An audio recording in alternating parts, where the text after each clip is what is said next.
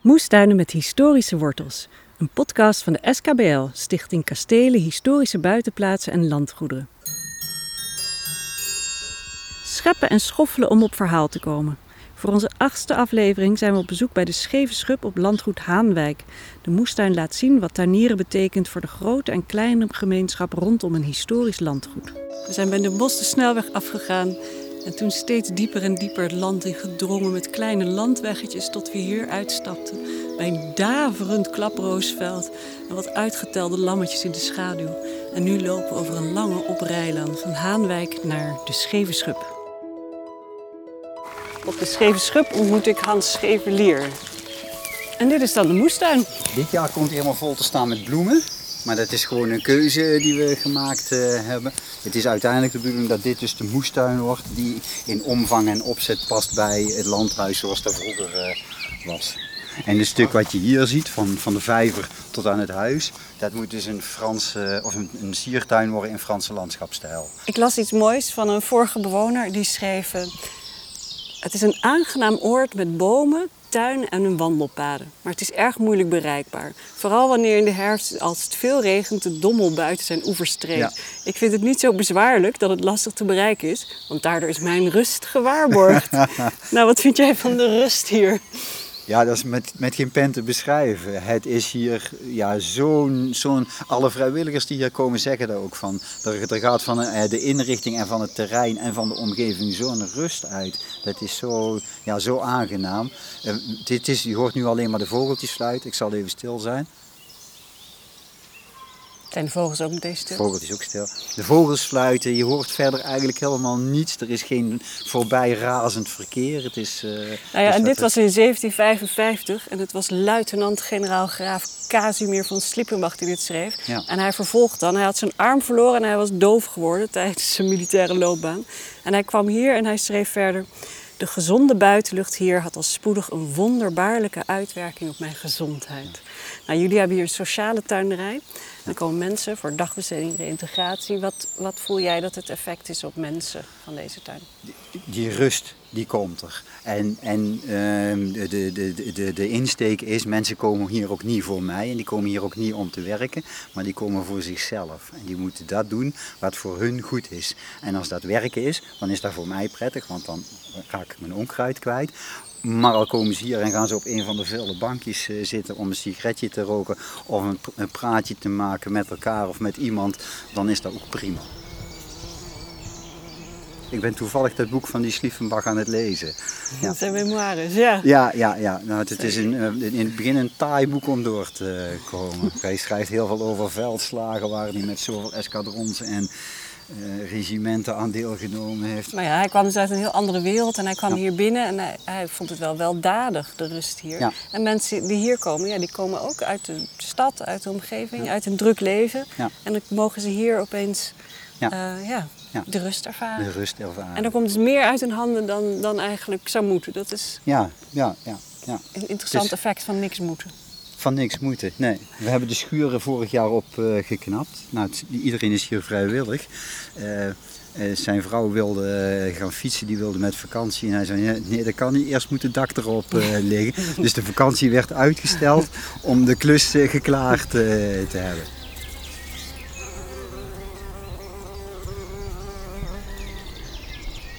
Wat verbouwen jullie allemaal? Ehm groenten.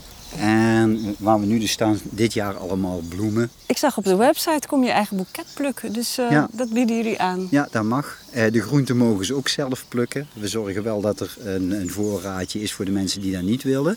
Maar ja, heel veel mensen vinden dat leuk. Komen ze hier en dan zeggen ze, ja, vroeger moesten we iedere woensdagmiddag moesten we bonen gaan plukken. Dat is eigenlijk best leuk, als je maar een pond hoeft te plukken. ja. Oh, als kinderen bij hun ouders, dat ze de hele moesten tuin leeg moesten. Dan moesten ze op woensdagmiddag dan moesten ze verplicht eh, bonen gaan plukken als het zover eh, was. En nu hoeven ze alleen een eigen maaltje te Nou doen plukken ze het en niet voor de hele maaltje winter. en dan zoeken ze de mooiste uit en niet voor... eh, nee. Ehm, verder verbouwen we dus groenten, ehm, het seizoen volgend. Dus eh, we hebben geen verwarmde kas. Eh, we kopen ook geen eh, planten aan, we zaaien alles zelf, eh, we vermeerderen alles zelf. Eh, ja, dat betekent dat je dus, nou ja, nu hebben we de eerste tuinbonen beginnen te komen. En dat is voor een heel aantal mensen lastig. Dan komen ze in maart en vragen ze van, hebben jullie al aubergines of hebben jullie paprika? Ja, want een landgoed was vroeger eigenlijk zelfvoorzienend. Hè? Ze leefden van het land en ze maakten het in zodat ze in de winter ook wat hadden. Dus dat ze het hele jaar door van hun eigen oogst leefden. Ja, ja, ja, daar moet deze tuin, dus dit stukje, moet daar op, op ingericht uh, worden. Um, ik leg het iedere keer uit van hier zetten we 50 bonenstaken neer om te laten zien van oké, zo groeien bonen en die kun je oogsten. En uh, dat past dan ook bij de hoeveelheid die voor het huis uh, geschikt was. Achter de dijk ligt nog een stuk en dat is meer het productiegedeelte. dus daar zetten we duizend bonenstaken neer. En daar halen we dan de productie van de groente eigenlijk van. En, en wat, wat doen jullie met die groenten? Die verkopen we. En jullie hebben een winkel? de tuin is de winkel. Dus wij plukken eigenlijk, of oogsten heel veel dingen op het moment dat mensen het willen hebben. En mensen kunnen deze plek vinden, die komen hier echt voor hun... Het praat zich heel snel rond.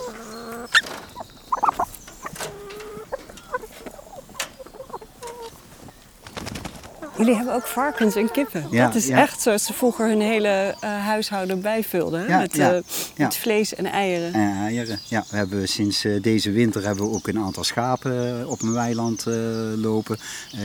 die mogen blijven zolang er gras is. En je ziet hier een hek staan, een net staan. Daar gaan ze in het weekend zetten we daarin. Weekendschapen. Ja. En dan komen ze maaien. Dit, moet, dit is om te maaien. Is dit tentje voor de varkens? Ik zie ja, een ja, ja. hele mooie van de waar tent staan. Een gevoelige huid en die verbranden heel gemakkelijk. Als je het daar ziet, zul je ook zien dat de huid verbrand is. Kom maar. Kom maar. Ja, kom maar. Ja, daar ligt hij. In de schaduw van zijn tentje. Ik geloof niet dat hij zin heeft om op te staan. Hij ligt er echt wel heerlijk in het zonnetje. Oh, daar komt er nog een uit zijn nog. Varkens zijn sociale dieren, hè? die moet je nooit alleen houden. Kijk, je kunt zien dat die huid uh, verbrand is geweest, hè? Nee, dat hoef je niet zo lelijk te doen. En je gaat ze nog niet iedere ochtend met zonnebrand insmeren. Nee, ja, de... Oh, water over een kop. Het zijn uh, een beetje vieze varkens, want normaal gesproken gaan ze lekker liggen rollen in de modder. En dat is uh, factor 100, dat werkt veel beter dan... Ah. Het is ook zo, deze komen van een reguliere boerderij af. Dus die hebben altijd in een hok gezeten met beton en weinig licht. En uh, die komen in één keer op een vreemde planeet uh, terecht. Dus uh, met, met grond waar je in kunt vroeten en licht en lucht en geluid. Dus die hebben altijd een week of twee nodig om te wennen. En worden deze dan voor de vlees ook geslacht? Ja, oktober, half oktober, dan zijn ze groot genoeg en dan worden ze geslacht. Mensen kunnen daarop intekenen, pakketten van 5 kilo. En ja, er is veel vraag naar. En ja, dan eet je varkens die het echt heel leuk ja, hebben mooi gehad. vlees, heel mooi vlees. En lekker Ja. vlees dus ook, ja. En ze eten dus de restjes van eh, de Al moestuin. het, al het groene afval, al het, ja, alles wat, eh, wat, wat, wat te groot is geworden of wat niet meer goed is voor de verkoop, dat gaat eh, bij de varkens. De kippen, ook daar gaat heel veel van het, ja, het onkruid en zo bij. Leggen ze goed? Eh, ja. Hoi. Wil je de eieren hebben? Liggen in de kast eh, vooraan. Ja, oké, maar ik wilde graag ook nog tuinbonen. Die zijn nog te klein. Oh, echt? Ja, Oh. ik laat het jou zien. Die heeft hele dikke peulen Ja. hele kleine boontjes. En nou zijn deze misschien, ja deze zijn net mooi. Maar ze moeten nog even een, een, een klein een weekje moeten ze nog Een verder. week nog, oké. Ze hebben ze van de week verkocht. Ja, dat En- dacht ik tenminste. Ja, maar dan, hè, als je hier een kilo van plukt, ben ik eh, twee kilo productie kwijt. Oh, dat snap ik, ja. ja. Maar we mogen er wel Dan allemaal eentje proeven. Och, het ziet er wel heel lekker uit. Is dat hier wel? Deze moet je, Deze moet je niet koken. Moet je Nou, gewoon recht uit de pul eten. Ik ga het even proeven. Oh, mooi. Dat is echt heel lekker. Leuk, hè? er is hier iemand eh, geweest en die zei van, ik lust geen tuinboon. Ik zei nou dan neem maar eens een kook eh, mee en probeer het maar eens. Maar dat is gewoon water koken, even erin. En nou, als ze het water geraakt hebben, eigenlijk alweer eruit. Maar dit dan- smaakt net als jonge erwtjes. Echt alleen maar... En terwijl tuinbonen kunnen zo'n beetje zwaar grondig smaken. Wij aten ze thuis nooit, want mijn opa die hield er heel erg van. En die zette de hele tuin vol met tuinbonen. En zei mijn moeder, als het seizoen was, dan aten wij S maandags, dinsdags moesten ze altijd tuin wonen. En dan lieten ze ze lekker groot eh, groeien, want dan hadden ze lekker veel. En dan zetten ze ze 's morgens op als ze s s'avonds wilden eh, eten. wel goed- dus dan, goed dan was alles, alles wat er ook maar aan smaak dat was dan eh, kapot gekookt en dan moesten ze die tuinbonen gaan zitten eten. Dus dan eet je ze tegen. Maar dit is echt- is Oh, dit is echt een compleet nieuwe tuinwoonervaring. Ik kom terug over een week. Ja. ja, mag ik vragen of u hier vaker komt? Ja, zeker. Regelmatig. Zo gauw als die open gaat in het voorjaar, dan eh, ben ik van de partij. En u woont hier in de buurt en dan, Nou, ik woon in Schijndel, dus eh, lekker een fietstochtje en dan... eh, en dan komt u helemaal hier naartoe om Ja. wat lekkers en vers te Ja. halen. ja.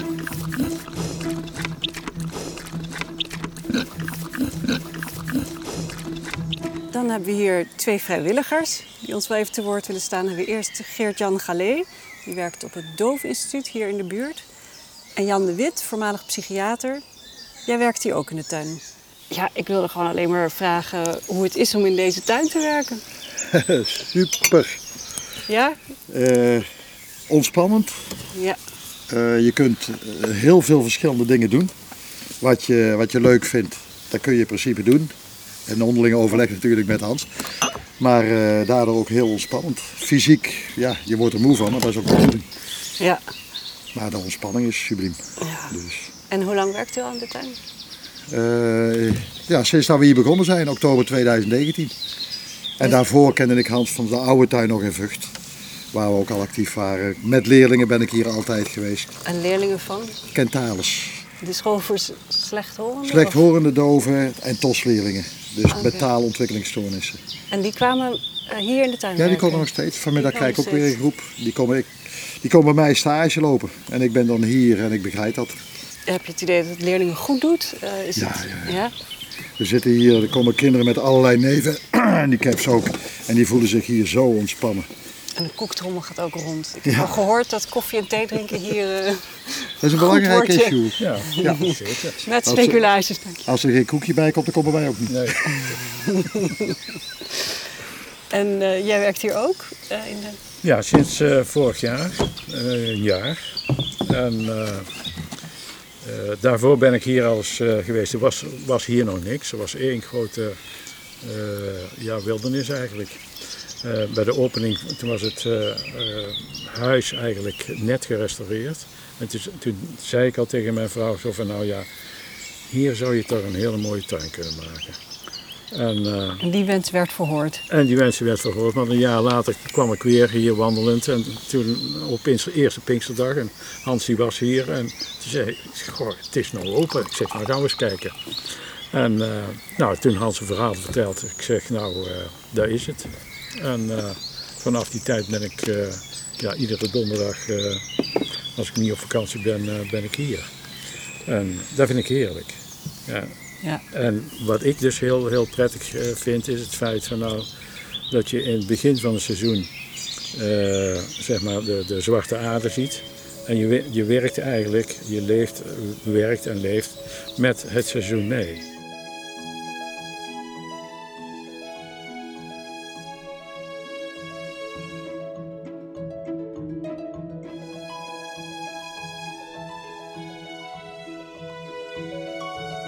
Gaandeweg de lente groeit alles en dan in de zomer komt alles tot bloei met alle dingen die erbij horen en dat is een schitterend gezicht. En in de herfst wordt het weer minder en uiteindelijk in de winter is het weer zwarte aarde en in de lente begint het weer. We hebben de tuin eh, zeven jaar lang in Vught eh, gehad. Zeven seizoenen. Het stuk waar wij zaten was van een projectontwikkelaar. Eh, die eh, had al gezegd, je mag er zitten zolang wij geen eh, plannen hebben. Ehm, eh, dat wist ik. En nou, via via overal gaan kijken en vragen. En toen uiteindelijk in contact gekomen met Brabants Landschap. Die dit, dit terrein, maar ook het hele gebied eigenlijk aan het ontwikkelen zijn. En die zei van ja, wij zoeken juist dat wat, wat jij in Vught al aan het doen bent. Er was iemand bij die een, eh, een rapport moest schrijven, een onderzoek moest doen voor het Brabants landschap. Ehm, ze heeft de voorkant gemaakt en het eh één velletje en daarin gezet van neem het plan van de Scheve Schut maar over, want eh, ik kan daar verder niks aan toevoegen. Is, eh, Dat is wel een heel compliment. ja, dat is het eh, ook. Nou ja, en als je op zo'n landgoed bouwt, dan is het niet zo dat ze volgend jaar eh, Nee. hier een woonwijk willen plannen. Dus dat is natuurlijk aan zo'n plek, het heeft echt Ja. bestendigheid. Je Ja. kan echt naar de toekomst kijken. Ja, ja, ja. We zitten een beetje op het kantelpunt. Dat, het, dat dit eigenlijk ja, zo groot wordt en zoveel tijd en energie vraagt. Dat ik het eigenlijk moeilijk kan combineren met, met het werken nog. Als ik dit zie, kan ik me niet voorstellen dat je hier een baan naast hebt. Want we staan hier dus bij de productietuin. Daar staan inderdaad een heleboel bonenstokken.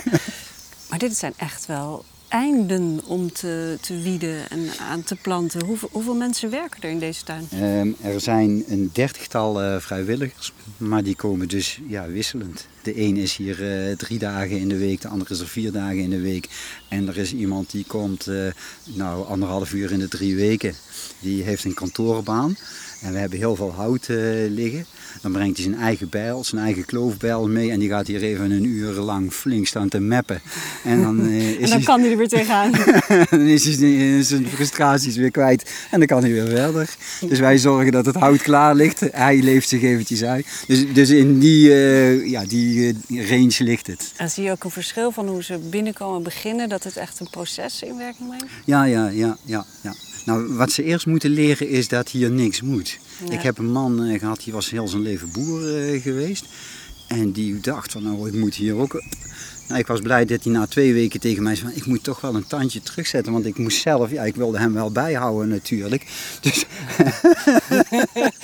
Het werd voor jou ook het bikkelen. werd voor mij ook... eh, Niet leuk meer. En als ze nu, als ze nu zouden zeggen, oké, eh, je mag nog één werkje doen in de tuin. Je moet je echt nu helemaal terugsnoeien. Je- Je mag nog één ding doen. Wat, wat zou je dan willen doen? Schoffelen. Schoffelen. Ja. Er is niet zo, zo eh, ja, bevredigend, zo, zo, eh, dat geeft zo'n voldaan gevoel. Als je nou een stuk hebt waar helemaal onder het onkruid staat. Dus hier staan we bij de koolrabi's. Het ziet er nou netjes uit.